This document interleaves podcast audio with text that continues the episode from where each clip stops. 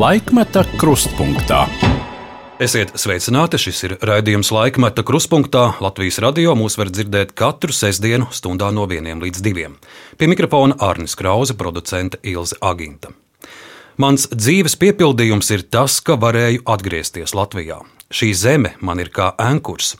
Šeit visi mani senči ir dzimuši, cīnījušies un strādājuši. Es šeit piedaru. Tā ir teikusi mūsu raidījuma šīs dienas viesa.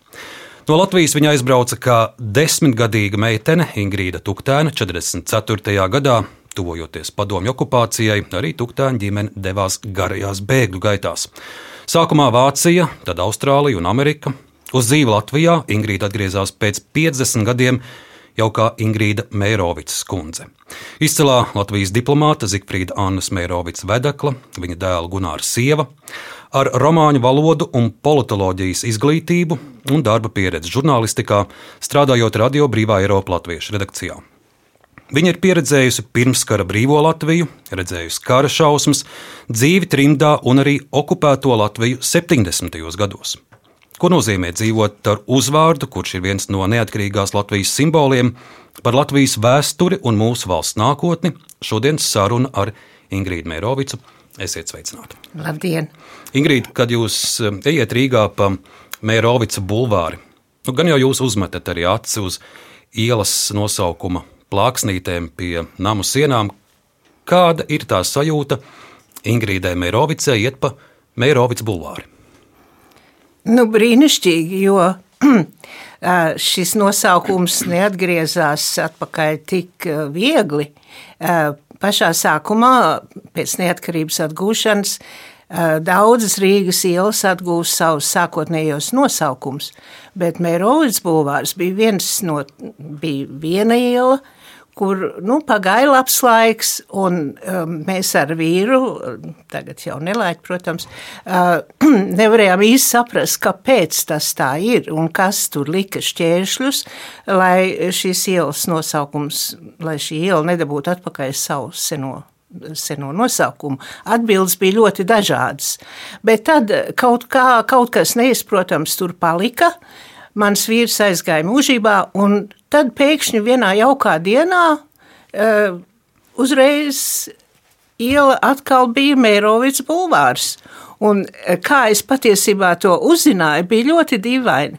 Uh, es toreiz piedalījos Rīgas Internacionālā sieviešu klubā, Un kluba prezidente mani mūsu ikmēneša pusdienās apsveica ar skaistu puķu pušķi. Un kad es brīnījos, kāpēc, un viņa teica, ah, jūsu vecmāmiņas vārdā ir nosaukts bulvārs.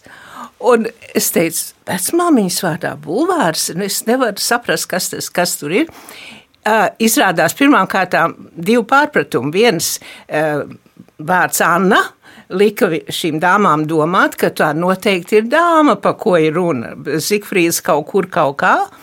Un Tad es viņām izskaidroju, ka nē, tā nav mana vecmāmiņa, bet tas ir mans uh, vīrtēvs, kur vārdā šis būvārs ir nosaukts. Un, un tā es uzzināju, ka pēkšņi uh, šī iela ir dabūjusi atpakaļ savu nosaukumu. Un ar vienu no skaistākajiem Rīgas bulvāriem. Taisnība. Taisnība. Un bieži vien arī runājot ar ārzemju diplomātiem, man tāds, tāds ierasts mazs jociņš, ko es vienmēr saku, man nav vizītkartes, jo man lūk ir iela Rīgā. Un atkal sarunā ar interesantā veidā ar jauno Lielbritānijas vēstnieku, viņš teica, jā, viņu uzvārds arī esot ļoti pazīstams, jo viņš saucās Brumelkungs un bija slavena personība, kā uz 18. un 19. gadsimtā Bobrumels, kas skaitījās no Anglijā tāds švīts un dendijs un tā tālāk. Tā kā mēs abi pat izmainījāmies ar piezīmēm par saviem uzvārdiem. Bet es saku, jā, man ir tiešām, man ir sava iela Rīgā. Tā man nevajag vizītkarti.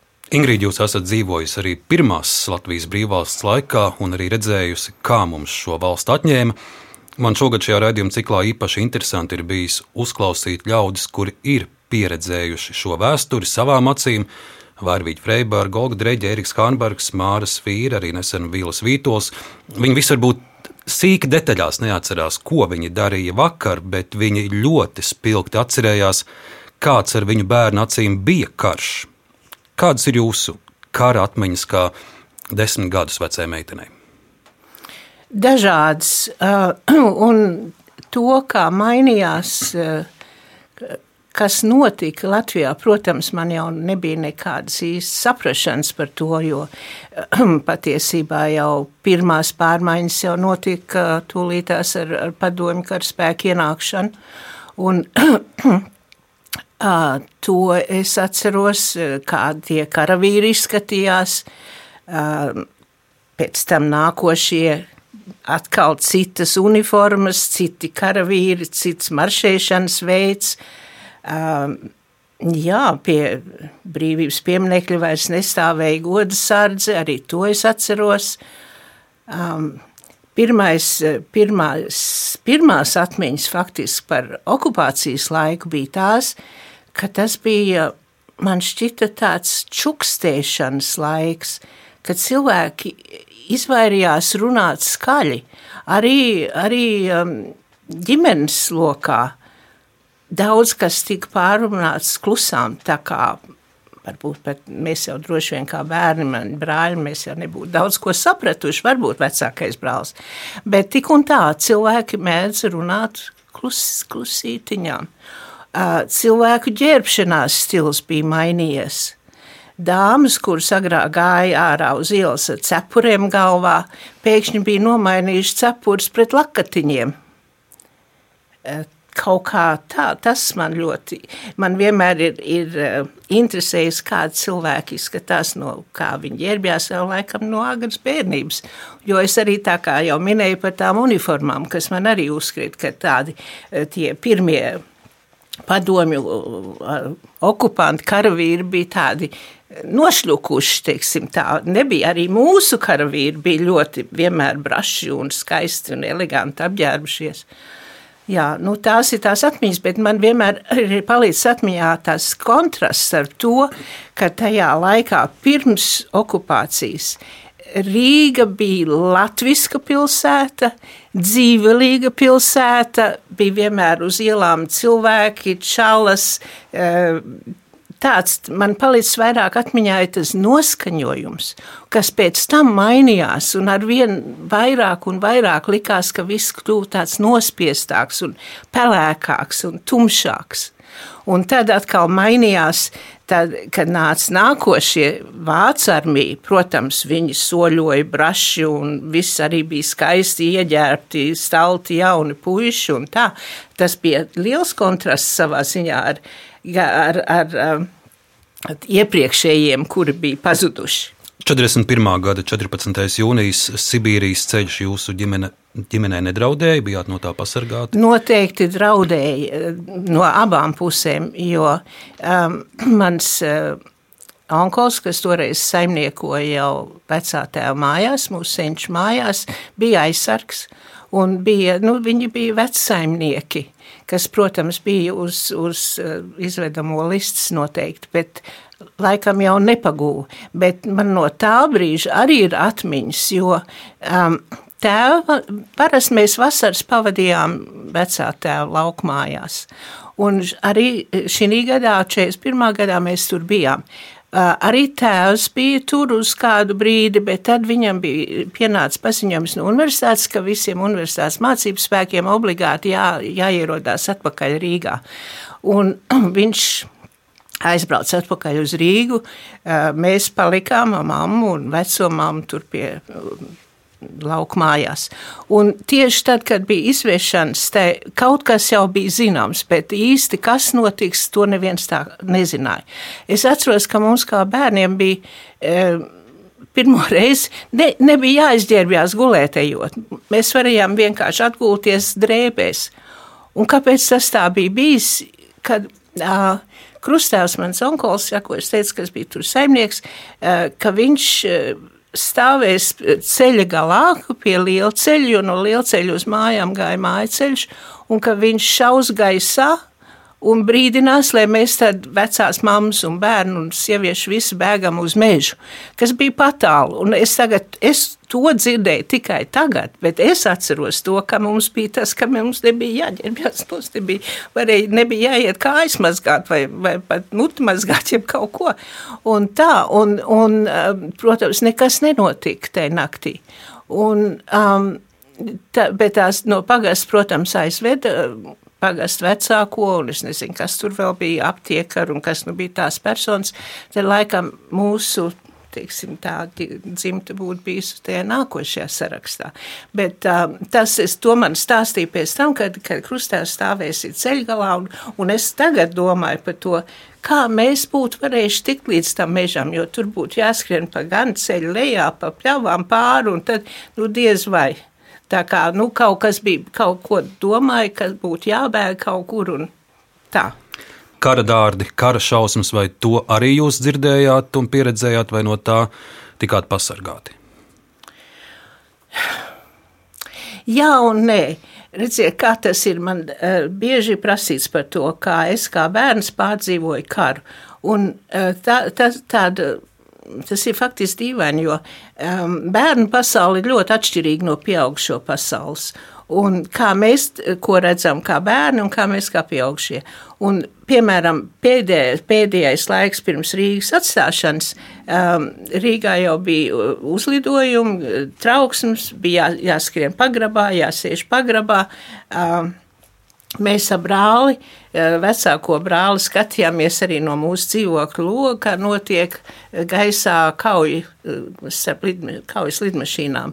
Un skatos vienu, uu, vien tur nāk griezdamās kūpēdam zemē. Protams, mēs jau tad neiedomājamies, ka tur ir iekšā dzīvi cilvēki, kas viens vai otrs, vai tas bija krievs vai vācietis vai latviets, ka tā, tā tās ir viņam beigas, ja, tas cilvēks ir nogājis. Mēs sēdējām tur pagrabā, un, un tad kaut kur kaut kas sprāga, kaut kas krita, bet tādas baiļu sajūtas īstenībā nebija. Jo es domāju, ka bērni maz zina vai saprot, ko nozīmē sāpes nāve, ja viņi nav to tā īsti piedzīvojuši. Un, protams, mēs nebijām to piedzīvojuši. Un tad tikai pēc tā viena uzlidojuma eh, mēs izgājām ar brāli ārā pagalmā un atradām lielu šķembu tādu no, no kaut kāda šāviņa lādiņa.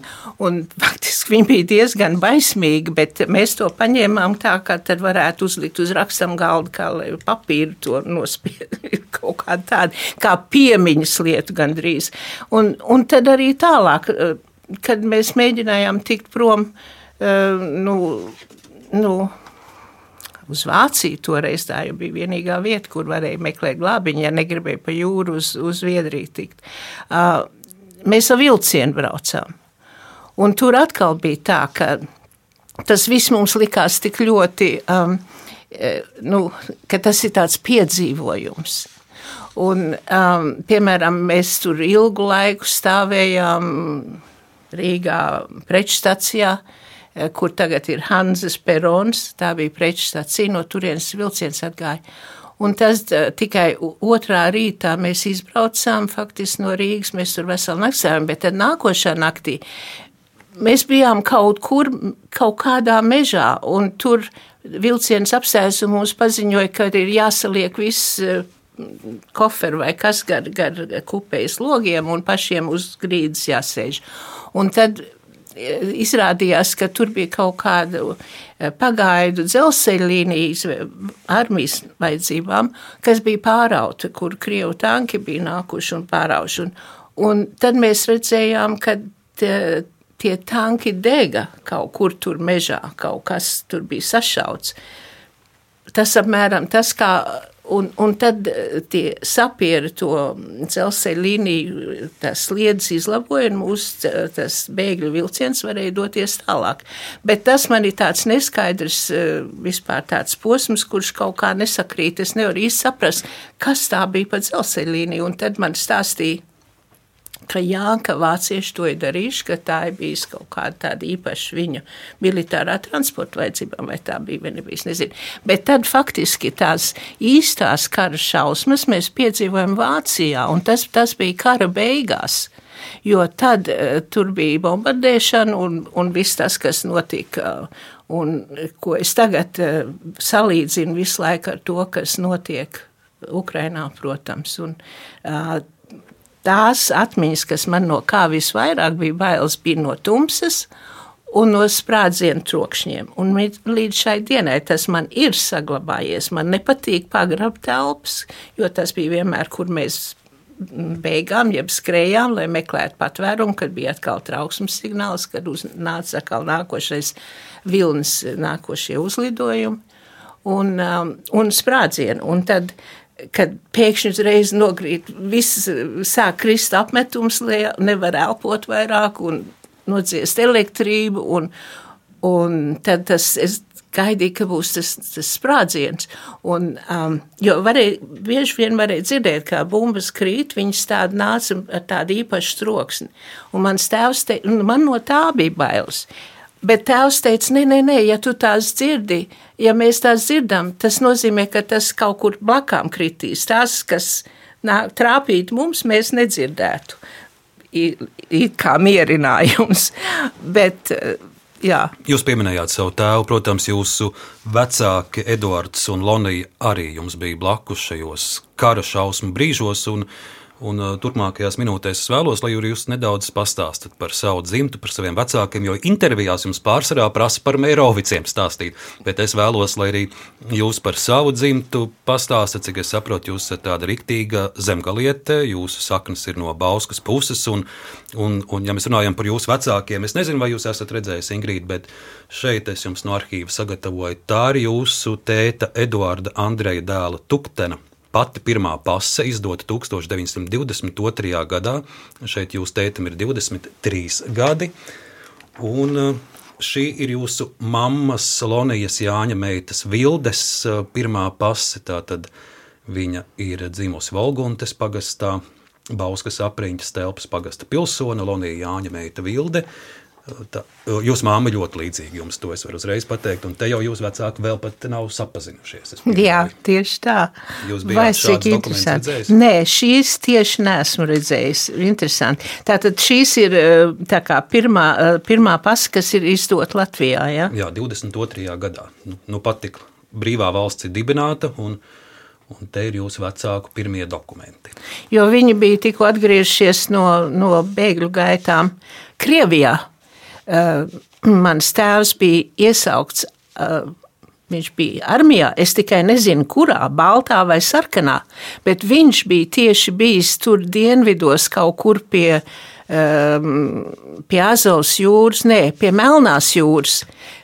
Un viņš bija dienējis kādā krasta apsardzes baterijā, bet ne, ne pie šaušanas, bet pie prožektoriem, kur, es nevaru izlobīt no tā, kas tā ir bijis, vai tie būtu būt bijuši sarkanie vai baltie. Bet nu, es redzu, ka jūsu tēvs ir vēlāk izmācījies par inženieri. Kas, kas bija tie, tie objekti, kurus, kur viņš ir bijis klāt no tiem pirmskara būvēm? Viņš uh, piedalījās um, ķegumbūvē faktiski. Viņš, es zinu, ka viņš brauc komandējumā uz Zviedriju, viņa pirka turbīnas, iegādājās ķegumam. Un tā, tur mums arī bija vēlāk izveidojusies, nu, viņam bija, un viņa kolēģim bija izveidojusi draudzība ar, ar Zviedrijas, Zviedrijā un draudzības, un vēlāk viņa mums palīdzēja bēgļu gaitā, sūtīja mums paciņas no Zviedrijas. Bet, jā, mamma savukārt bija, viņa bija beigusi meiteņu ģimnāziju, kur tā Tailo ģimnāzija, kur pārcēla uz Maskavu. Tā kā viņa bija Maskavā, un tad viņa strādāja līdz, kamēr viņa atgriezās atkal Latvijā par um, mājskolotāji, jeb gubernanti kaut kur arī tieši dienvidos, Jēskā, jeb kaut kur tur tajā apkārtnē. Par ko tagad ir uh, visu laiku runa, un es tā domāju, cik dīvaini ir dzīve, kā tas viss griežās. Un, Jā. Bet, ja es skatos pa jūsu senču līnijām, nu, tur, ir, tur ir zemgalieši ar pamatīgām saknēm, pa mammas līniju arī uzvārds Vilde, pa tēvu es skatos arī uzvārds Zebauvers, tur ir vienā no atzariem. Tie visi ir ap bausku nākuši senči. Stelpe. Man mamma faktiski, man vecmāma no turienes, no tās apkārt Bārbēlas stelpe. Un, un jā, tēva dzimt ir tieši Vaula, kas bija agrākais Taurkalns pagasts, kas ir, nu, faktiski ir vairāk jau gandrīz uz sēlīs robežas, zemgals sēlī. Un tā kā vecās māmas mājas arī saucās sēļi, Viņa bija vecās mammas mājas, bija kaimiņos no vecākajām mājām, kur viņi ieprecējās. Un, ja mēs sākam ar dokumentiem, tad uh, parādīšu vēl dažus no arhīva, kurus es jums atradu. Arī nezinu, vai jūs esat redzējusi. Šī ir uh, jūsu anketa uh, bēgļu nometnē, uh, tātad Vitsburgā. Es nezinu, droši vien mamma ir aizpildījusi, jo jo tas būs jūsu paraksts, bet paskatieties, Stuktens Ingrīda. Un, un te ir vecāki pieminēti. Tā ir jūsu viens arī varbūt no pirmajiem dokumentiem, kas ir par jums 40, šķiet, tas ir 5. vai 6. gads. Var, varat palūkot. Un šeit ir līdzīgs arī par, par jūsu tēvu aizpildīta anketa. Un, Un es domāju, šis jums būs interesants. Vismaz man šis bija uh, interesanti lasīt. Šeit ir jūsu brāļa Sigurda anketa, kur viņš pats ir uh, aizpildījis. Un te ir uh, daudz un dažādi jautājumi prasīti, kur Latvijas bēgļiem ir bijis jāsniedz atbildi. Un, piemēram, 18. punkts. Vai jūs tagad gribat atgriezties dzimtenē? Un jūsu brālis raksta nē, un tad ir jāraksta kādēļ. Un jūsu brāļa atbilde ir tādēļ, ka manā dzimtenē ir diktatūra. Tā ir rakstījis jūsu brālis. Viņam šeit varētu būt 17 gadi tajā laikā. Tādi jums ar pa, Nē, esmu redzējis, un tas ir vienkārši pārsteidzoši. Es pat nevaru iedomāties, kur šis te viss ir saglabājies. Tiešām, tiešām, jo tā pirmā anketa, ko es rādīju, tur ir manas mammas paraksts. Man būtu brīlis jāuzliek, lai es redzētu to pārējo. Jo Um, Tur minēta arī jūsu dzīves vieta pirms izbraukšanas Krišāņa baronielā 30. Tā māja ir joprojām? Jā, ir. jā, viņi tur joprojām ir. Ļoti skaisti atjaunot, jo viņi ir um, um skaista jūgenda māja, ēka. Un, un, ja es pareizi saprotu, tad uh, bēg, bēgļos jūs esat uh, amerikāņu sektorā. Un, uh, Cik viegli vai grūti, jo, jo, jo trims latvieši teikuši, ka piemēram uz, uz Austrāliju nemaz tik viegli nebija izceļot. Tur bija jābūt uh, prasmēm, zināšanām, izglītībai, lai, lai dotos uz Austrāliju. Atkal garš stāsts. Pirmām kārtām uh, mēs uh, kara beigas nesagaidījām Bavārijā vai Dievinos. Mēs bijām Saksijā netālu no um, Čehoslovākijas robežas. No Un, uh, bet tā bija daļa, kur amerikāņi ienāca. Um, un viņi devās tālāk. Viņi ļoti ātri gāja, gan drīz līdz Prāgai nonāca. Un tad, protams, pēc Potsdamas konferences un visām attiecīgām konferencēm tā daļa tika dota Krieviem, respektīvi, eventuāli kļuva par Austrumvāciju. Bet mums paziņoja, um, ka mēs tur bijām pāris laikam latviešu ģimenes tieši tajā mazajā pilsētiņā, kur mēs dzīvojam Elsterbergā.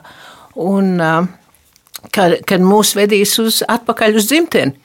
Un kad nākošās dienas rītā tirgus laukumā būs smagās mašīnas, kur mums tad jābūt visām mantām tur, un uh, mūs vedīs uz, uz staciju un tad tālāk uz mājām. Protams, mēs to negaidījām to nākošās dienas rītu, un tajā pašā naktī ar koferīti pie rokas tipī, tipī, tipī devāmies prom. Un gājām un gājām un gājām, kamēr mēs nonācām, cik tālu mēs uz rietumiem varējām tikt.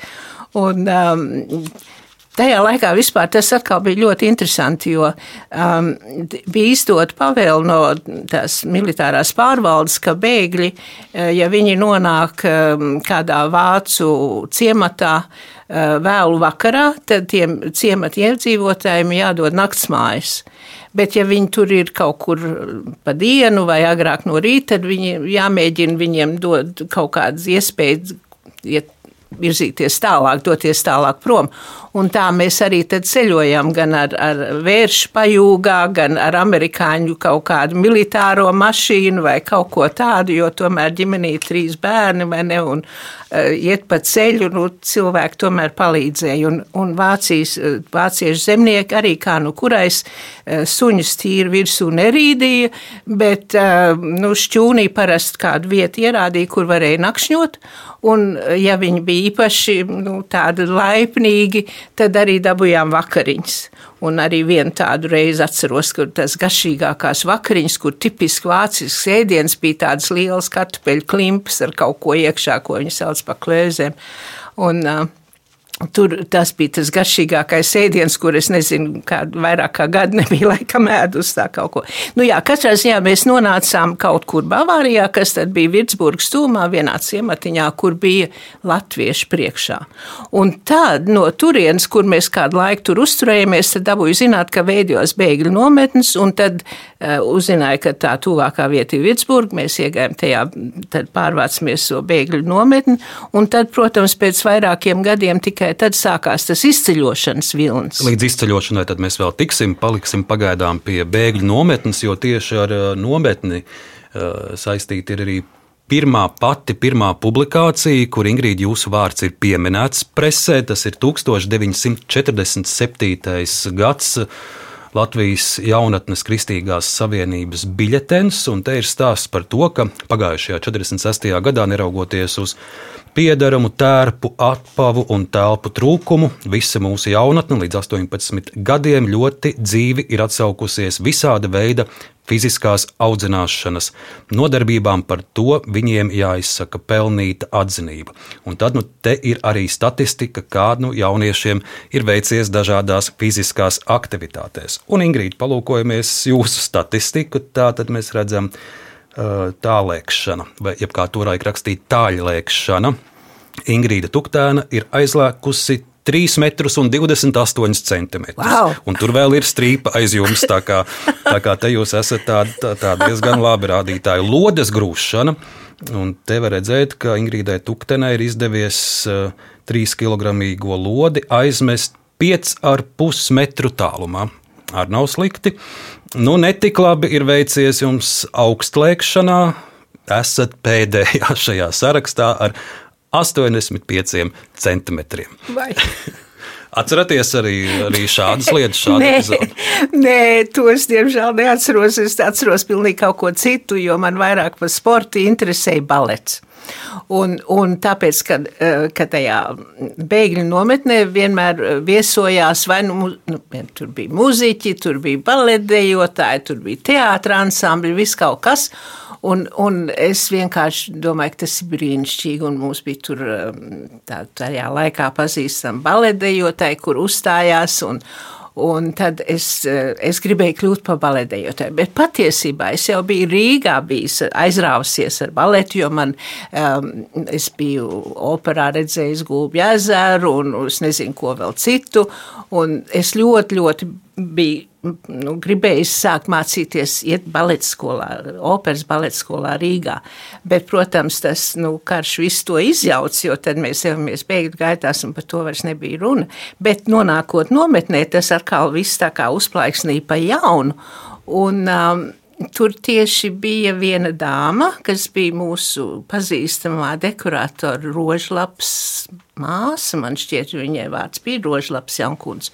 Un viņa bija ar mieru pasniegt baletstundas. Un tad pirms uh, skolas, kad Es nezinu, cik bieži, vai katru rītu, vai kā tas man izkrits no galvas.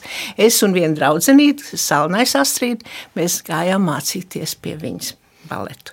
Un tā, tajā, tās skolas, kur mums bija tāda um, zāle, liela tā telpa, tur uh, mēs varējām tur vingrināties un tā tālāk. Tā kā par to, ka man negāja tik labi ar sportošanu, to es saprotu, jo tas man galīgi neinteresē. Es nē, nē, nē, nebija tik traki. Lodes grūšanā ir labi un tālēkšanā labi ar to, Jā, ar to augstslēgšanu. Man aizraušanās un teātris, man patīk teātris spēlēt. Tā bija mana skolas aizraušanās. Bet pēc bēgļu nometnes tā tad garais ceļš uz Austrāliju. Iebraucot Austrālijā, arī jau jūs vēl bijāt uh, maza meitene. Kas ir tās pirmās atmiņas? Es esmu lasījis, uh, ka jūs esat stāstījusi, ka nu, nu, pirmais jau, ka vairs nebija daudzi draugi un skolas biedri, un arī tas, ka Latvijas zaļās pļavas uh, nomainīja dzelteni, gandrīz tūkstošaini lauki. Arī tā, tā daba bija pilnīgi cita. Kas ir tas, ko jūs tādu pirmo no Austrālijas atceraties? Atkal dīvainā kārtā es atceros, ka bija ļoti, ļoti augsts. Mēs iebraucām, man šķiet, vai 1. augustā vai 30, kaut kur ap to laiku, jūlija beigas, augusta sākums, kas, protams, ir Austrālijas ziema, iet jau uz pavasara pusi. Bet tā kā mēs eh, mūs izlādēja, varētu teikt, no kuģa, tad mēs ar vilcienu tikām vesti atkal uz vienu nometni. Un, kad mēs nonācām tajā nometnē, bija dziļa nakts, un uh, bija ārkārtīgi augsts. Vienkārši tā, ka nu, mēs, mums tur bija jāuzsvās atkal tādā lielā hallē, jo tā, tā nometne bija, tā bēgļu uzņemšanas nometne bija karavīru armijas baraks. Un tajā halē tad pēc no turienes tad tur sadalīja pa tām barakām, kur, nu, kurā, kura ģimene, kurā barakā tur tik ievietot un tā tālāk. Un, protams, tur bija jāgaida ilgu laiku, tas viss ņēma, nu, aizņēma daudz laika. Un, Jā, un tad uh, tajās barakās arī tur nebija nekāda apsildīšana, nekāda apkūra, un mēs ļoti, ļoti salām, jo nebija, nebija īsti pietiekoši daudz sēgu, mums bija tādas uh, armijas kaut kādas gultiņas, un es atceros, ka mēs ar brālu uzlikām to matracu virsū, nevis tā kā, nevis uz viņu gulējām, bet likām virsū, jo likās, ka tā ir siltāk, un tad tikai tāds sēg un tā. Bet uh, tie tie iespēja, bet atkal tajā pašā laikā bija kaut kas ļoti skaists, jo tādas debesis, kā es biju redzējis Austrālijā, tajā pirmajā naktī, ko es atceros, bija vienkārši tādas um, samtaini um, tumšas, bet milzīgi spožām zvaigznēm. Tā kā gandrīz tās varēja ar rokām aizsniegt. Bet tad tā, tā vide, tā apkārtne, kas parādījās dienas gaismā, bija tā, pa ko, ko es esmu runājis un aprakstījis, ka mums likās, ka mēs esam uz mēnesi nonākuši, jo tur nebija ne, ne mazākā zaļumiņa, nekas viss bija tāda uh, pelēcīga, zaļgans, uh, brūngans, tā kā izdedzis viss un, Eh, un viss bija tik ļoti svešs, gan tie koki, gan pat zāle tur īsi ne tā kā tādi grīšļi. Eh, un putni, piemēram, viņi ķērts, viņi, viņi nedziedāja, viņi, tas viss bija kaut kas tāds skaņas, skati, smaržas. Protams, ir jau arī savs skaistums, ja to visu tur to saredz, bet tas kontrasts bija tik milzīgs starp, eh, starp um, nu, Eiropu, vidus Eiropu vai mūsu dzimteni, ka, ka tas vienkārši mūs nomāca tajā pašā sākumā. Bet tad, ja tagad es domāju atpakaļ, tad, un es, ka es aizbraucu atpakaļ uz Austrāliju, tad daudz kas, kas man uzrunā, jo, protams, tieši šie te dīvainie putni ar savu ķērkšanu, tā kā, piemēram, kukabara, kurš faktiski smējās, viņš smējās, smējās, skaļi smējās. Un, un viņš uzsēžās uz skursteņa un domā, ka kāds ir ielīdis skurstenī, kāds cilvēks tur smējās. Tā ir viņa tā skaņa. Un tie pārējie putni tas pats, tie papagaļi, ka viņi iet gulēt vakarā, meklē savu vietu uz zariem. Viņi tā ir tādu troksni, kad sarunāties nevar. Bet viss tas tajā, tā, tas kontrasts un, un mēs jau visi tik ļoti ilgojamies arī pēc mājām, ne jau pēc Vācijas vai pēc kaut kā, kur mēs visi bijām pēdējos gadus pavadījuši, bet vienkārši pēc mājām. Un, un tad atcerījos, ah, kā tas bija, un kā tas smaržoja, un kā liepas smaržoja, un kā, kā pirmās lapiņas parādās pavasarī, un kādas viņas, kāda maiga zaļā krāsā, un viss tas, tas, un tas salīdzinājums. Un arī Austrālijā jau esot pirmos gadus var redzēt, ka jūs aktīvi iesaistāties, kā toreiz teica, arī latviešu lietās. Uh, Šeit ir publikācija no laikraksta Austrālijas Latvijas 56. gads, jums Ingrīda tolaik 22 gadi, un mazs citāts 27. jūlijā Sidnejā notika otrā ieceļotāja konference ar galveno tēmu Kopīgi mēs ceļam un veidojam Austrāliju. Un tad 3. augustā Austrālijas Daily Telegraph laikrakstā ir raksts par šo konferenci, un ir uh, liela fotografija, kur Ingrīda Tuktens, latviešu tautas tērpā, sarunājas ar balles viesiem. Ingrīda, vai jūs šādu episodu atceraties? Jūs zināt daudz vairāk par mani nekā es pat par sevi, jo tas viss ir kaut kur pazudis nebūtībā, tādas atmiņas. Es pat nevaru iedomāties, kas tā bija pa balvu, kuras bija tautas starpā. Katrā ziņā tā tas ir bijis. Bet, jā, tas man jāsaka tā par Austrāliju. Patiesībā man ir daudz labu atmiņu. Ja? Ar no paša, paša sākuma, nestoties to, ka es saku, ar visu to svešādumu, ar visu to. Jo, piemēram, man, es sāku savu skolu, vidusskolu. Uh, tieši Austrālijā, ja, tādā mazpilsēt, mazā pilsētņā, Baurolā, kur tagad ir kļūst par tādu resortu pilsētu. Bet uh, es tajā vidusskolā sāku iet otrā klasē, jo nu, vienu gadu Vācijā es jau biju izlaidusi vispār, nevarēju iet skolā un tā, bet man zināšanas bija ļoti atšķirīgas no tā, un viņi īsti nezināja, ko man iesākt, jo daudzā ziņā es biju priekšā, teiksim, matemātikā, fizikā, jeb kaut ko tādu, bet, piemēram, protams, man nebija angļu vēsture, angļu literatūra, viss tas, kas būtu bijis jāzina. Nu jā, un tad es sāku iet eh, jau otrā klasē, un man ļoti palīdzēja. Man palīdzēja visi skolotāji, man palīdzēja arī bērni faktiski. Viņi, viņi, es jau runāju angliski kaut cik, bet minimāli, vai ne, un tā, un man bija grūtības saprast tā austrāliešu izrunu, jo tā nebija angļu izruna. Un, bet viņi, viņi visu man pieņēma un, un visādā ziņā palīdzēja, tā kā man nebija nekāda grūtība iedzīvoties tajā visā tajā vidē, ne, un tā. Un um, arī vēlāk, un, jo es dabūju stipendiju studijām, beidzot gimnāzija, vidusskolu un tā tālāk. Un tad tās pat tas 56. gads jau ir tad, kad es jau esmu studenti, vai ne tā. Un tālāk es tādā nedaudz ātrākā skrējienā pārskriešu jūsu dzīves gājumam. Jūs studējat romāņu valodas, un arī politikas zinātni. Jūs tālāk dodaties uz Ameriku. Tur nē, tiek. Nē. nē, nē.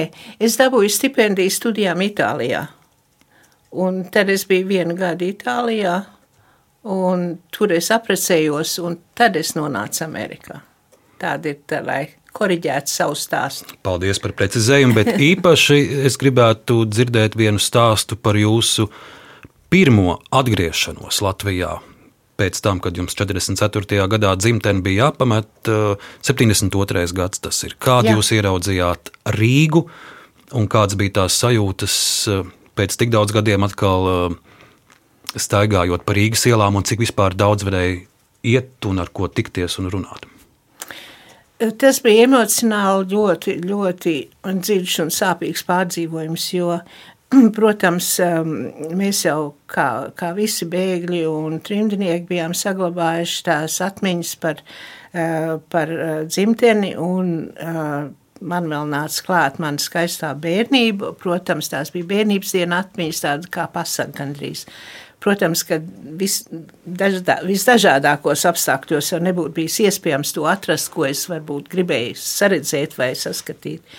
Bet tas, ko es redzēju, bija pirmām kārtām bija ļoti sāpīgi, otrām kārtām bija liela vilšanās, un trešām kārtām tas man izraisīja milzīgu niknumu tādas dusmas par to, kas ir nodarīts manai zemē un manai tautai. Un, um, tur no man radās tāda, tāda apņemšanās, ka kaut kas ir jādara, eh, lai šo vēlnišķīgo sistēmu mainītu. Un tas saistās ar to, kas ar mani notiek vēlāk, kad es iesaku darbā, ko es iesaistījos radiodarbā un tā tālāk.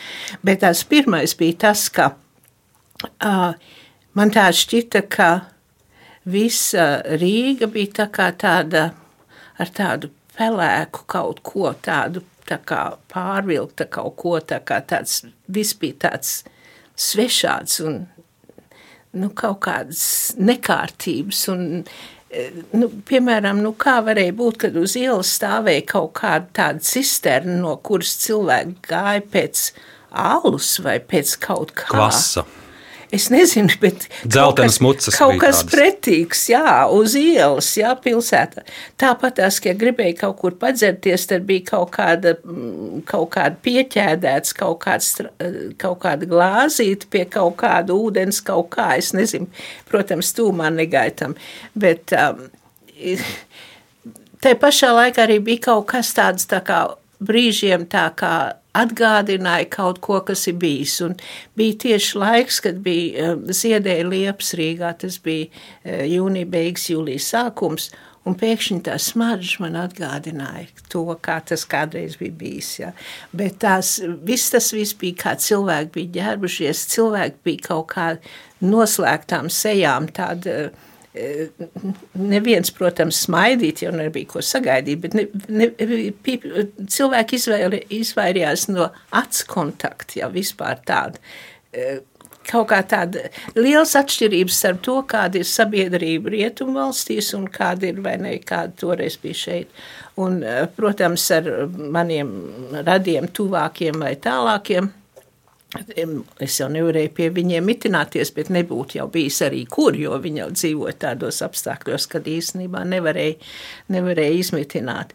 Bet jā, nu mūs tā kā tādas aitu bariņu ganīja un vadāja, kur nu mums bija oficiāli atļauts braukt un, un, un tikai tādā, nu viss vis tā mūsu tūras grupa. Bet savas dzimtās vietas, to Bauskas pusi arī varējāt izsteigāt?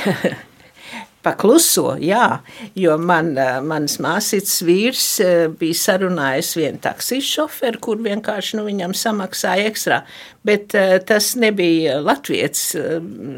Mūsu tautiešiem bija bailes daudziem no mums, tie, tiem, kas bijām tie atgriežies no ciem, jeb atbraukuši ciemos no rietumiem, bet uh, viens uh, mūsu minoritātes pārstāvs bija priecīgs braucējs, un viņš tur sās vecās tantes, tur man tante toreiz brauca līdzi uz laukiem.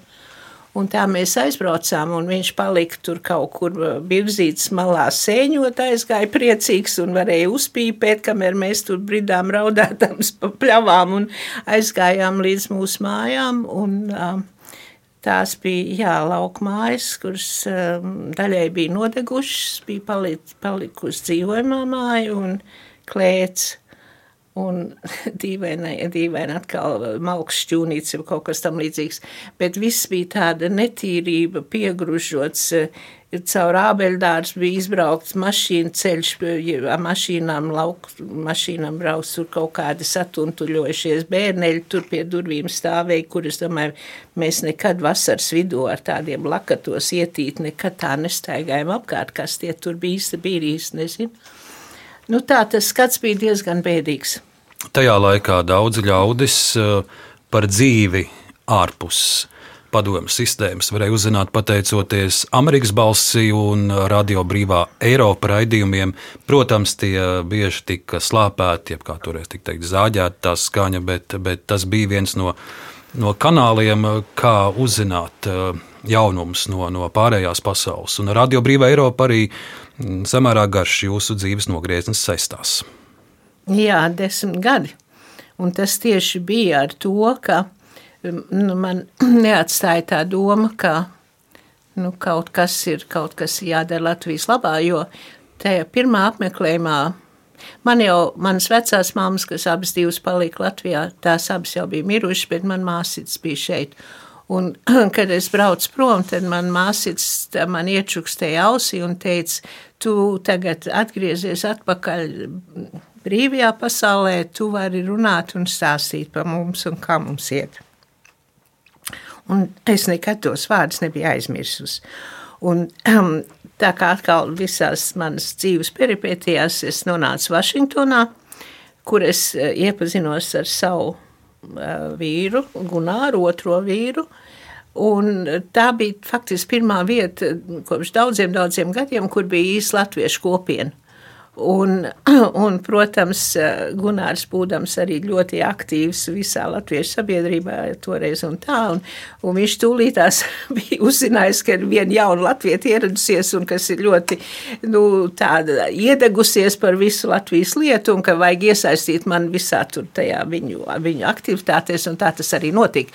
Bet eventuāli caur to es sāku strādāt, nu, vienkārši rakstīt, protokolēt eh, apvienotās Baltiešu komitejas sēdes, un, un tas tur iepazinos ar lietuviešiem, igauņiem, un, protams, mans vīrs tur bija un tā. Un, um, Jā, un, un tad es domāju, nu jā, tā, kur, ko, ko es varētu darīt vislabāk, kas atbilst manām prasmēm.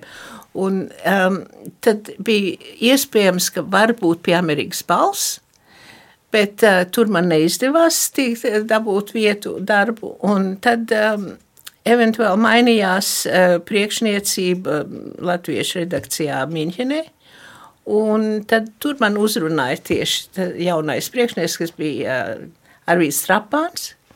Un, jā, un tad es aizbraucu tur uz, uz pārbaudu, un, jā, un, tad, un man jau, man dēli jau bija tādā vecumā, ka viņi jau bija patstāvīgi studēja, un tā, un tad es domāju, nu šī ir vienkārši perfekta izdevība darīt kaut ko, kas atbilst manām prasmēm, un arī tajā pašā laikā, ko es varu darīt Latvijas labā.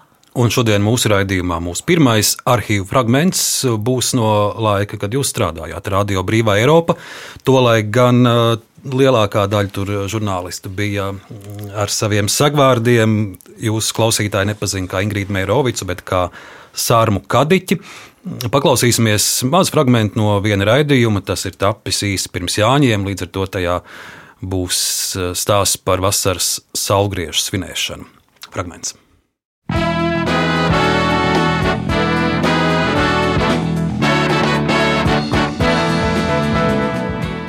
Te runā Radio Brīvā Eiropa. Sveicināti cienījamie klausītāji! Pie mikrofona Birota Ziemele.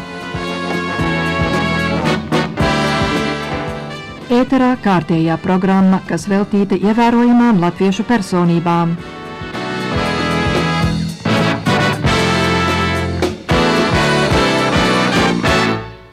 Šoreiz mūsu pārraide nedaudz atšķirsies no citām reizēm jo tā kā tuvojas lielākie latviešu tautas svētki, Jāņi, sāksim aplūkot mūsu senču senās tradīcijas, kā tās atspoguļojas dainās. Pie mikrofona Sāra Makadiķe. Vasaras saulgriežos, kad visgarākai dienai seko visīsākā nakts, latvieši svin Jāņus. Tagadējā kalendārā īstā Jāņa diena ir 23. jūnijā. Jāņi ir dainās visvairāk atdziedātā gadskārtas svinību norise. Ap 200 dainu stāsta par vasaras saugriežu cilvēkoto teiksmu tēlu, dieva dēlu Jāni, bet viss Jāņu laiks, svinību norise, apdziedāšanās un līgošana aptver vairāk nekā 2000 dainu. Tās kopā ļoti skaidri rāda latviešu gadskārtas svinību raksturīgo uzbūvi un darbību divējās plāksnēs iesaistot teiksmaino svinību cilvēkojumu un reālo svinību izpausmi zemes virsū, kad šis teiksmu tēls ierodas pie ļaudīm. Brīvā Eiropa pie mikrofona Sārma Kadiķa, jeb Ingrīda Meirovica. Un Radio Brīvā Eiropa jūs arī eh, sagaidījāt PSRS sabrukumu un sagaidījāt brīdi, kad Latvija atgūst neatkarību. Arī to visu jūs pieredzējāt žurnālistu darbā. Jā, tas bija, varētu teikt, manas dzīves kulminācija, jo tiešām tās visas šīs vēsturiskās norises notika, kā teikt, mūsu acu priekšā, un mēs bijām gan arī tā kā tāda viesuļvētras acī, jeb centrā, jo viss saplūda pie mums, viss no visām malu malām. Protams, ar visiem notikumiem Baltijas valstīs un tā tālāk, pēkšņi par mums viss pasauli sāk interesēties, kur mēs gadu gadiem bijām mēģinājuši runāt, stāstīt savu stāstu par to, kas mums ir nodarīts pāri un, un par mūsu brīvības zaudēšanu.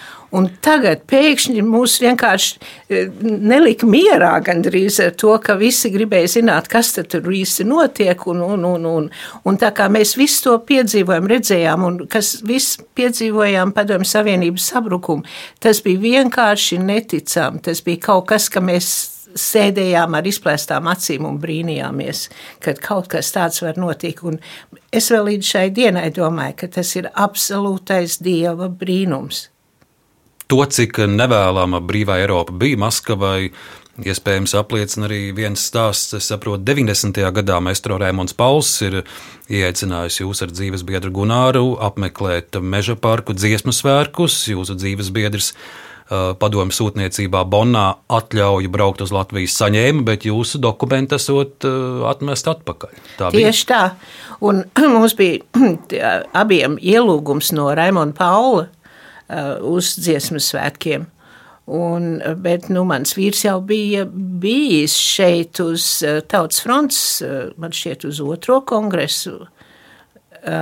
Un kaut kā tā.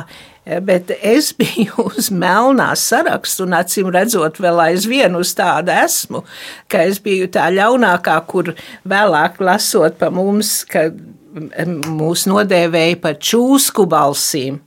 Tā kā jūs tikko dzirdējāt čūsku balsi, dzirdiet vēl joprojām. Uh, un, uh, jā, mēs acīm redzot, bijām ļoti nepatīkami režīmam.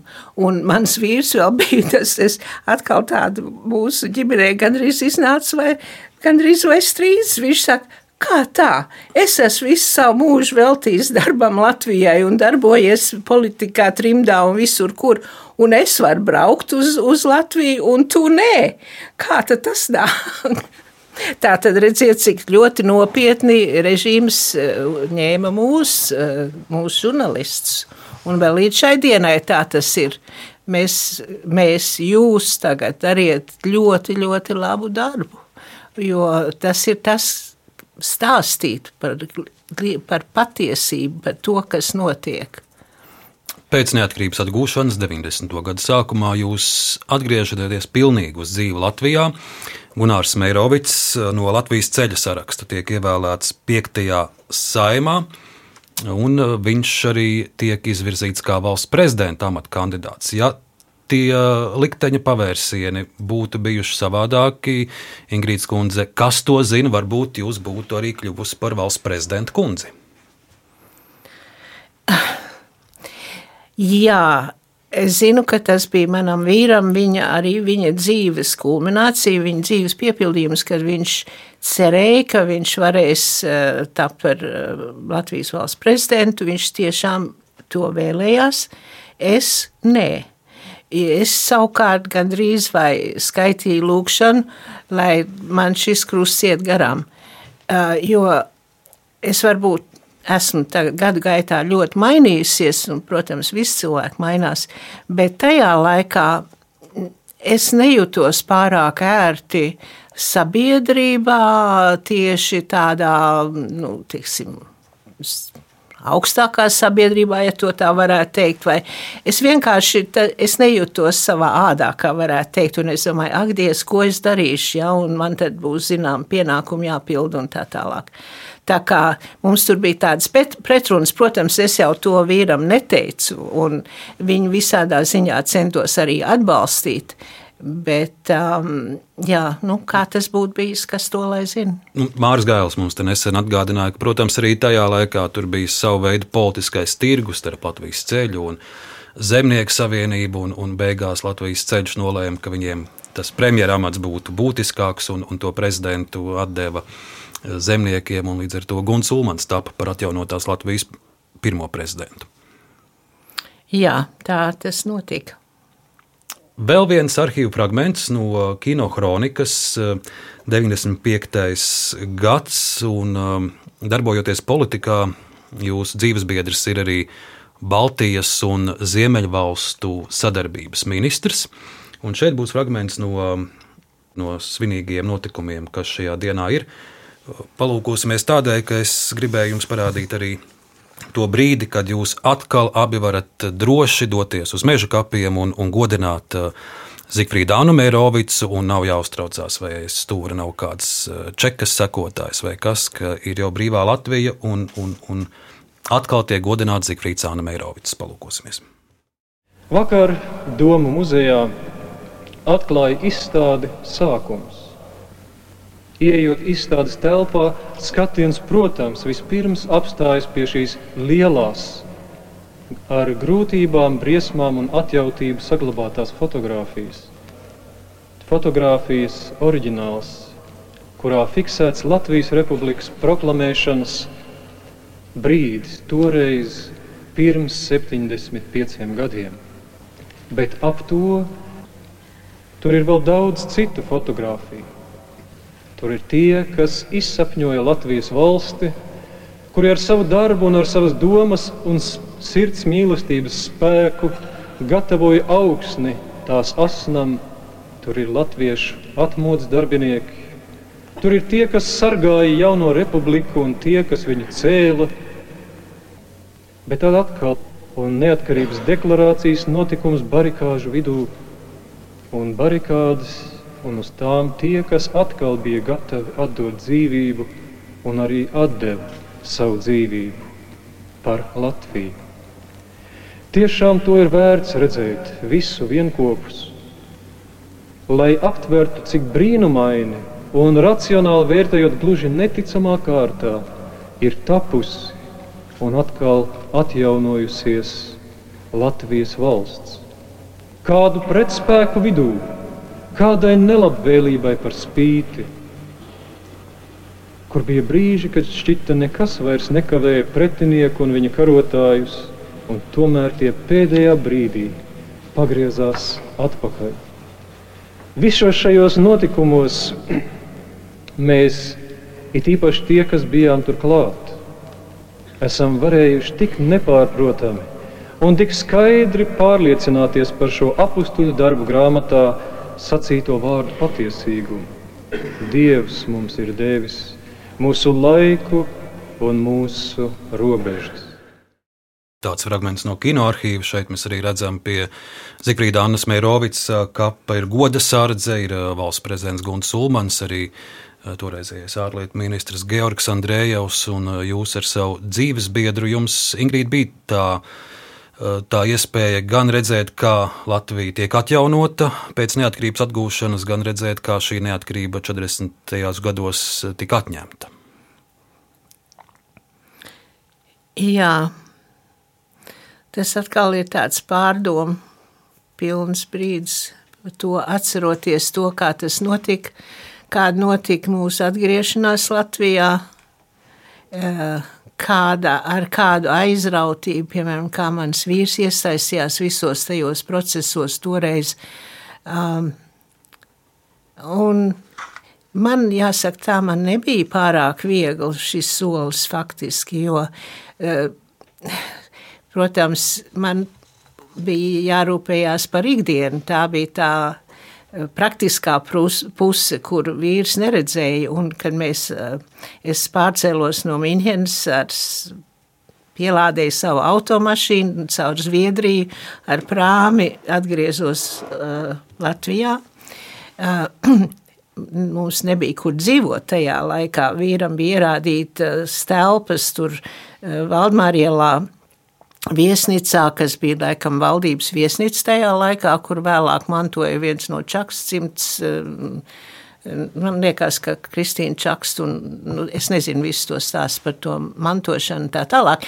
Bet tajā laikā tā bija tāda nu, diezgan bēdīga vieta, kur apmesties, bet mans vīrs to nemaz neredzēja, jo viņš bija aizņemts visu dienu man bija jācīnās ar prusakiem, ar, ar, ar to, ka nebija silts ūdens, ar to, kā, kā, tā, kā tas iekārtojums bija, kas vienkārši man ērcināja, tāpēc, ka es nebiju redzējis tādu kaut ko kombinētu kombinācija, kāda bija kaut kādas pulētas mēbeles ar uh, satīnu pārvalkiem, kaut kāds zaļš un sarkans, un es nezinu, kaut kas briesmīgs vienkārši, bet eh, mēģināt arī kaut ko pagatavot ēst no kaut kā uz kaut kādas mazas elektriskās plītiņas, un uh, viens kurjos stāsts, ko es labprāt gribētu dalīties, ir bija tas, kā mums sākumā man bija jāgatavo vakariņas. Es domāju, nu, ko es varu uz vienu vien elektriskās plītiņas, viens, viens tāds, tāds aplīts tikai riņķis tur.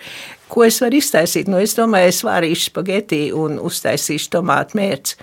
Un, un tas viss notika uz grīdas. Es domāju, nu jā, nu, noklāšu tur avīzes, uzlikšu tagad to elektrisko plītiņu, un tagad kaut kāda katli man bija. Nu, tas tā, to spageti jau var novārīt, bet to mērķi ilgāk. Bet tagad tās no tā mērķa sāk tur burbuļot un vārīties un, un aptašķīt tur sienu. Un es tagad domāju, ka es tagad notīrīšu to sienu, tā tā nevar viesnīcas istabā. Un izrādās, ka tās tāpēc bija tādas, kuras nebija mazgājams, bet viss tās tas musturs nonāca nost, un tagad man paliek liels balts pleķis uz sienas. tagad tur es tagad domāju, kā lai es tagad to nosedzu protams, es nezinu, kas tām vakariņām iznāca, bet gal galā es pa, pavilku tur tādu mazu galdiņu ar, ar televizoru un noliku to priekšā, lai tas nosēs to balto plankumu uz sienas. Tad, un tad otrs bija man cīņa ar prusakiem. Un es tagad eh, šausmās, ka es tādas prusākas nebiju pat redzējis laikam kopš nometņu laikiem Virtsburgā, bet tur bija blakts, tur nebija prusāki. Tagad es noeju tur lejā pie viesnīcas, nu, kas tur ir tas reģistrācijas galds, jau kaut kā, un tagad saka, man ir prusā, ko lai es daru? Ā, viņi saka, tas nekas, to, to tūlīt tiksim galā kaut kādi jocīgi krītiņi bija, kur tā, tā kundze uz, uznāca augšā, novilka uz grīdas tādas strīpes, un kur tie prusaki nāca, tiem tūlīt ķepiņas gaisā. Tā kaut kas briesmīgs, tādi kaut kādi Ķīnas krītiņi. Pirmie man dzīves brīži Rīgā. Jūs atcerējāties piedzīvojumus ar virtuvi, bet tad no tālāk arī paraudzīsimies uz politikas ķēķi uz, uz, uz dažādām aizkulisēm un skandāliem, jo, ja reiz eh, jūsu vīrkungs bija politikā, tad, protams, arī politika saistās ar dažādiem satricinājumiem, turpinājumā būs um, vairāk īsi fragmenti, un, un, un gribēšu dzirdēt īsus jūsu, jūsu stāstus par šīm epizodēm kur eh, žurnālisti eh, jūsu dzīvesbiedram prasa komentēt dažādus tā brīža aktuālos politiskos notikumus.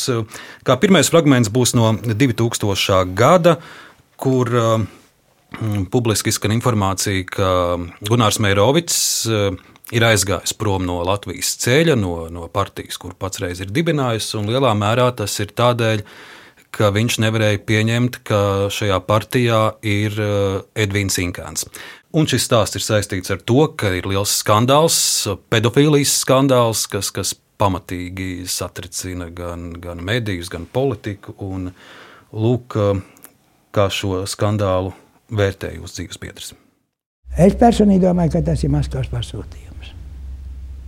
Jo nevar būt, ka tas sakrist tagad kopā taisni šitai laikā, kur tagad visi Vašingtona, tā Rīga ir pilna ar, ar, ar, ar, ar visiem, ar visādiem ārzemnieku novērotājiem un, un, un, un, un augstām personībām, kas tagad iebrauc iekšā un viss tas nāk ārā tagad šitādi, es, es citādi nevaru to saprast. Kāpēc mēs visu šo laiku esam gaidījuši? Tad? Līdz šitam brīdim, kad nu, mums vismazāk būtu jādzird šo te, kas, kas tagad noticies. Ir. Bet es, es esmu brīdinājis, es esmu brīdinājis ārlietu ministru visu laiku par šīm lietām, kad, kad tai lietai ir jādara gals. Un kā tagad jau runā, vai ne, ja, baumas vai nekas iet riņķī, kad ir jau runas, vai ne, kad Inkēns eventuāli varētu aizņemt viņu vietu ārlietu ministrijā kā ministrs nākošā valdībā. Tagunārs Mērovics 2000. gadā, kas jums pie šī stāsta ir piebilstams tagad? Daudz laika ir pagājis arī. Ja man jārunā tieši konkrēti par šo gadījumu un šo personu, man nav daudz ko piebilst, jo es tiešām tās eh, aizkulisēs nezinu. Jo, kā jau teicu, es toreiz biju, eh, nu, kopš atgriešanās Latvijā, es biju aizņemta ar ikdienas teiksim, praktisko dzīvi, praktiskām lietām. Un mēs ar, ar vīru tās iekšējās, eh, nu, visu, kā jūs apzīmējat, to politisko ķēķi, tur nepārunājām, kas tur īsti vārās. Es zinu, ka viņš, viņam bija kaut kas, kas viņam bija pret, pret Inkēnu Edvīnu Inkēnu. Es zinu, ka tur kaut kāda iekšējās nesaskaņas bija arī viņam partijā, kāpēc viņš aizgāja no Latvijas ceļa. Bet visās detaļās es tiešām neko nevaru tālāk vairāk pastāstīt. Skaidrs ir tas, ka mūsu politikā noteikti ir vienkārši lielu lomu spēlējuši spēki, par kuriem varbūt mēs pat nemaz nezinām. Un es domāju, tas būtu naivi tagad teikt, ka arī tas nenotiek vēl šo baltienu. Un šis tas jau ir atklājies, un arī tās personības e, ir nākušas, nu, mēs esam noskaidrojuši, kas bija kas, bet visā pilnībā noteikti nē. Vēl viens fragments, kur dzirdēsim Gunāru Meirovicu, tas ir 99. gads, un kāds igauņu vēsturnieks, nav svarīgi viņu vārdu minēt, jo beigās tā izrādījās, protams, kā tagad saka, fake news, jeb viltus ziņa. Šis vēsturnieks publicē stāstu, ka Kārlis Ulmanis esot ņēmis kukuļus no Maskavas. Un um, šis Igaunijas vēsturnieks atradas dokumentus, kas liecina, ka šādi naudas pārskaitījumi ir saņemti. Tur tiek arī minēts, ka Zikfrīds Annemērovics 23. gadā esot atteicies šādi sadarboties ar Maskavu, bet Ulmans naudu esot pieņēmis, lai finansētu toreiz zemnieku partiju. Mūsu vēsturnieki, protams, saka, ka tās ir pilnīgs muļķības, pilnīgs blefs, bet uh, tiek arī prasīts uh, viedoklis Gunāram Mērovicam, un te viņš atminēsies arī to laiku, kad uh, Mērovicu ģimene dzīvoja vienā mājā kopā ar Kārlu Ulmani. Mēs dzīvojam 16 gadus tajā pašā mājā kopā un, un vienā stāvā. Un, mēs jau ļoti labi pārredzējām, ko Ulmans, kā viņš dzīvoja, un kas, kas viņš bija un kas viņš nebija. Kā. Tā kā, eh, es nekad nevarētu iedomāties, ka viņš būtu tas cilvēks, kas, kas kaut kādas tādas lietas būtu noslēdzis ar, ar, ar, ar komunismu toreiz, ar komunistiem. Viņš bieži atnāca kādreiz vakaros ar mammu parunāties, vai ne? Un, Un, un tā kā mums tā pensija nebija nekāda liela, lai gan mēs dzīvojam valdības mājā, un, un, un, un viss bija jauki un skaisti, bet tās naudas mums bija samērā grūti savērt tos galus kopā. Un viņš vienmēr bija nācis pie mammas un teica, nu, vai jums nevajag naudu, jo man nav ko likt ar. Nu, viņš saka, es jau, jūs redzat, kā es dzīvoju. Viņš jau tiešām vienkārši dzīvoja. Tādas atmiņas par viņu 30. gadiem, un, un te es arī vēlos tādu mazu stāstu no jums dzirdēt. Jums ir viena tāda, es teikšu, tā ļoti īpaša piemiņa un relikvija, kas ir palikusi no Zikfrīdānas Mērovics. Tas ir, tas ir, tas ir karoga standarts, tāds mazs karodziņš, kas esot bijis piesprausts pie Mērovica mašīnas laikā, kad viņš bija arī ministra prezidents. Ja? Jā. Un tas jums ir saglabājies un ar vienu ir pie jums. Jā, Tas ir. Jā, nu, pa, ko es par to varētu pastāstīt? Tās ir tādas lietas, kas atgādina, ka tas, tas, tas bija tāds laiks, ka bija tāds cilvēks mums kaut kā ir vēlēšanās vienmēr kaut ko taustāmu paturēt. Un tik maz no viss tā, kas ir saglabājies. Es nezinu, šis ir brīnumainā kārtā, kā tas bija nonācis pie pie mana vīra brāļa vai vīra māsas. Nezinu. Es domāju, ka tur varbūt kādu lomu spēlēja um, kādreizējais vīra tēva šofers, kas varbūt bija to saglabājis. Tas bija arī, viņš bija bijis arī izpalīdzīgs tad, kad man vīrmās atgriezās no Sibīrijas un tā, tā kā, jā. Bet tas par to, kad Ulmans būtu ņēmis kukuļus, es domāju, ka viņš bija pēdējā persona, kas būtu nu, ka tas būtu to darījis. Bija, bija citas personības, pa ko gāja, gan dažādas runas, pa ko es esmu dzirdējis, noteikti, kas bija eh, iespējams būtu varējuši pieņemt kaut ko, bet Ulmans ne, jo mans vīrs vienmēr stāstīja tos, jo Ulmans bija viņa krustēvs, un viņš vienmēr stāstīja, kā viņš ir ļoti tādā eh, nodilušā džemperītī, jeb adītāja aciņā, līdz vēlam vakaram strādājis vienmēr ar čībiņām kājās apmēram, tā kā viņam nebija, ka viņš, es pieņem, ka viņš ne dzēra, ne pīpēja, ne tā, vai ne, un ka viņam nebija nekādas tādas speciāls, nu, vajadzības, kur vajadzēja kaut kādas īpašas automašīnas vai kaut ko tā kā grūti būtu bijis atrast, laikam, lai tādu cilvēku piekukuļotu. Un paskatīsimies vēl vienu fragment. Tas ir 98. gads, 1998. gads, liels skandāls Amerikā. Prezidenta Bila Klintona mīlas dēka ar, ar Moniku Levinsku, pamatīgs troksnis, un arī Latvijā žurnālisti. Tiem ļaudīm, kas ir daļu savas dzīves dzīvojuši Amerikā, vaicā, kā viņi notikušo vērtē, un tiek iztaujāts arī uh, Gunārs Mērovics un Ingrīda Mērovica. Paklausīsimies, ko jūs toreiz par Klintona mīlas afēru teicāt. Prezidentam tomēr vajadzēja vienmēr par sevi domāt. Nu kā, un vēl sevišķi tajā ovālā oficiālā, nu, kur mēs visi esam bijuši un sēdējuši ar tādu lielu cienību, ka viss tas ērglis, tā tepiķi iešūts un viss ir tik skaisti un jauki. Nu, tas kaut kādīgi man, es nezinu, man, man, man liekas, tas ir tāds puicisks lieta, kā viņš ir rīkojies. Ja Klintons būtu bijis vienkārši advokāts Little Rock, Arkansas, kur, no kurienes viņš nāca, ja viņš būtu viens lietot automašīnu pārdevējs, tas būtu vienalga, ko viņš dara. Vai viņam ir piecas sievas un desmit mīļākās, bet šī gadījumā viņš ir vislielākās un spēcīgākās valsts prezidents. Un tas ir ļoti nožēlojami, ka viņš neapzinājās to, ko viņš dara. Kas tik nu jums nav bijis jākomentē? Arī Klintona šādas detaļas dzīves. Vai ne? Bet tas viss ir, tā viss ir daļa no dzīves, jā. Bet es domāju, ka šie dažādākie skandāli un, un, un kā tas viss ir veidojies, lietas, kas kādreiz uztrauc vai piesaistīja uzmanību, preses uzmanību vai mēdīju uzmanību, kas tagad varbūt pilnīgi nemaz ne, ne, nešķist vairāk interesants, gandrīz vajag ikdienu. Kurš tajā laikā var iedomāties, ka vēl pēc tam nāks Baltijā namā saimniekot Donalds Trumps, piemēram, un kādi vēl tik nebūs trači un skandāli? Vēl par Latvijas politiku Mērovics kundze 2000. gados, 2010. gadā tiek dibināta politiskā biedrība, Mērovics biedrība. Uh, īsi pirms tam bija tā saucamā Lietu sarga revolūcija, un šajā biedrībā dibinātāju vidū ir gan Georgs Andrejevs, gan Jārs Kalniņš, Atis Lēņš, Anna Žīgura, Alvis Hermanis, Uldis Pīlēns, ļoti, ļoti raiba publika. Kā jūs atceraties? Šīs eh, biedrības tapšanu un kāda toreiz bija tā doma? Atkal es biju ļoti maz iesaistīta šīs biedrības tapšanā. Faktiski gandrīz kā tāda, nu, kā Bet saka, jūsu vārds ir pie dibinātājiem tur. Apakšā paraksts. Nu, Galu galā, ja nu tāds te vēl ir tāds dzīves cilvēks, kam tāds uzvārds ir, tad laikam bija vajadzība to arī tā, tā piesaistīt tā, šai te kopienai, organizācijai, kā nu mēs varētu to dēvēt. Jā, es tiešām.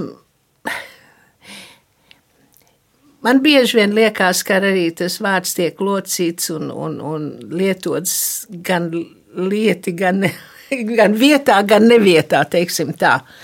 Un, jā, nu, Tā kā mēs redzam, tās lietas sākās ar lielu umfu, kā varētu teikt, ar lielu tādu troksni vairāk vai mazāk. Un tad viss kaut kā tā izšķib, ja, un tagad vai tad kāds vairs kaut ko dzird vairs pa Mērovids piedrību, kas ir noticis ar Mērovids piedrību. Mēs esam tikušies šad un tad, bet vairs tā pirmo lomu tas, tas nespēlē nekur, ja, tas arī tas tas vārds jau arī, ja viņu lieto pa daudz, varbūt, ka viņš nonēsājās, kā to tā varētu teikt.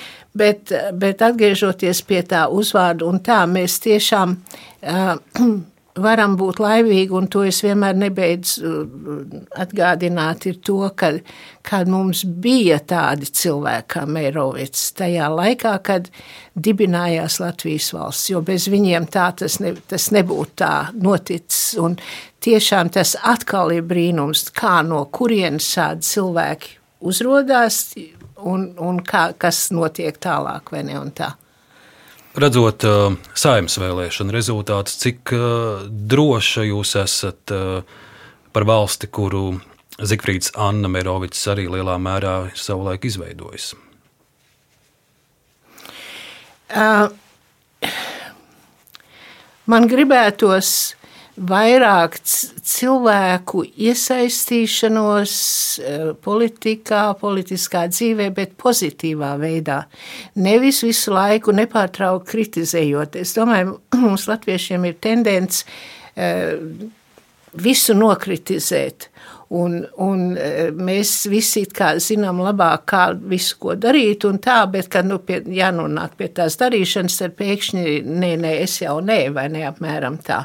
Un, un ļausim cilvēkiem darīt to darbu, kas viņiem padodas. Ja viņš ir politikā, lai viņš arī darbojās politikā, ja viņš ir kurpnieks, lai viņš taisa kurps, ja viņš ir zemnieks, lai viņš strādā uz saviem laukiem es domāju, ka bieži vien cilvēki iesaistās politikā, kur viņiem nevajadzētu būt, ka tas neatbilst viņu spējām. Un šeit es varbūt arī atsaukšos uz Vitu Matīs skundzi, kur runāja par meritokrātiju.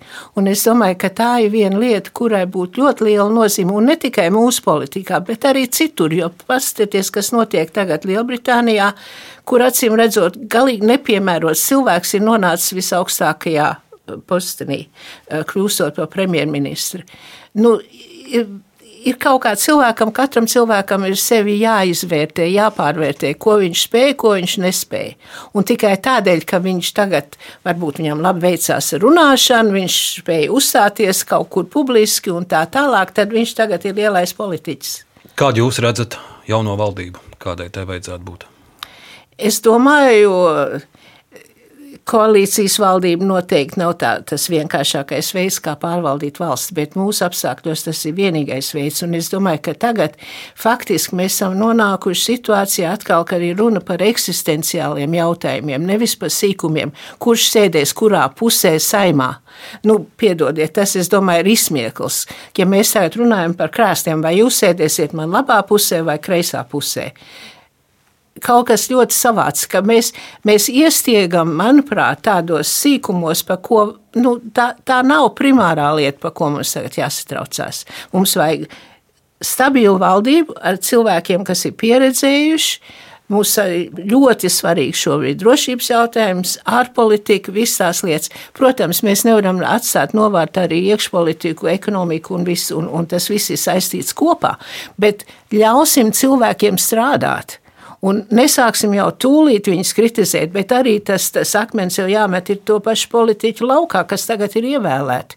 Tāpēc es saku, nevajadzētu strīdēties par sīkumiem, kurš kurā vietā sēž. Un, un arī, ja nu, mēs tagad tur ir par trīs partijām vai četrām partijām, nu vai tad mēs tiešām nevaram sadarboties, ja mēs visi apzināmies, kas ir mūsu tie galvenie mērķi, vai mēs nevaram strādāt kopā? Kāpēc mums vienmēr kaut kas ir jāatstum, jāatstum ārā? Ja četras partijas veido stabilāku vardi, valdību, tad lūdzu, lai viņi to dara. Un tad kritizēt, ja tas kaut kā, ja tur neiet labi un neizdodas kaut kas, bet uz priekšu. Un, Ingrīds, un mans pēdējais jautājums šodien būs par Ukrajinu, ar jūsu lielo dzīves pieredzi. Kāds ir jūsu paredzējums, ar ko šis murgs Ukraiņu tautai, ar ko šis Putina sāktais karš beigsies? Mēs neviens nevaram paredzēt nākotni. Un īpaši šī gadījumā tas ir atkal viens karš, kur mēs neviens negaidījām. Ir, tas ir nesaprotams karš, jo gal galā tur pamatā nav nekāda ne ideoloģija, ne kaut kas. Ir tikai viens cilvēks, kurš saviem fantāzijas murgiem ir kaut ko izdomājis un kas šo karu ir izraisījis.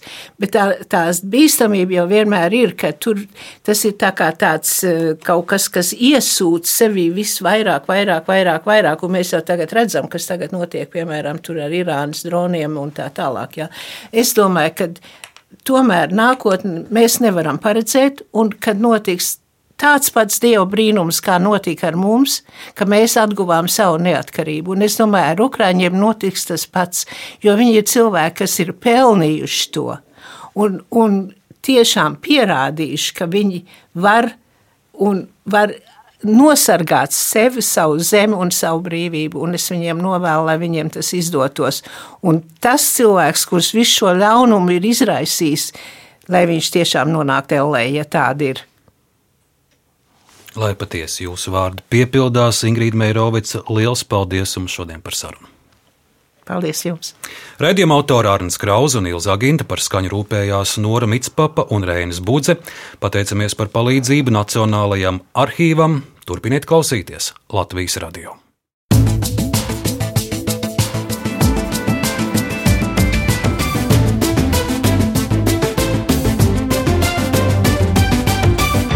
Laikmeta krustpunktā.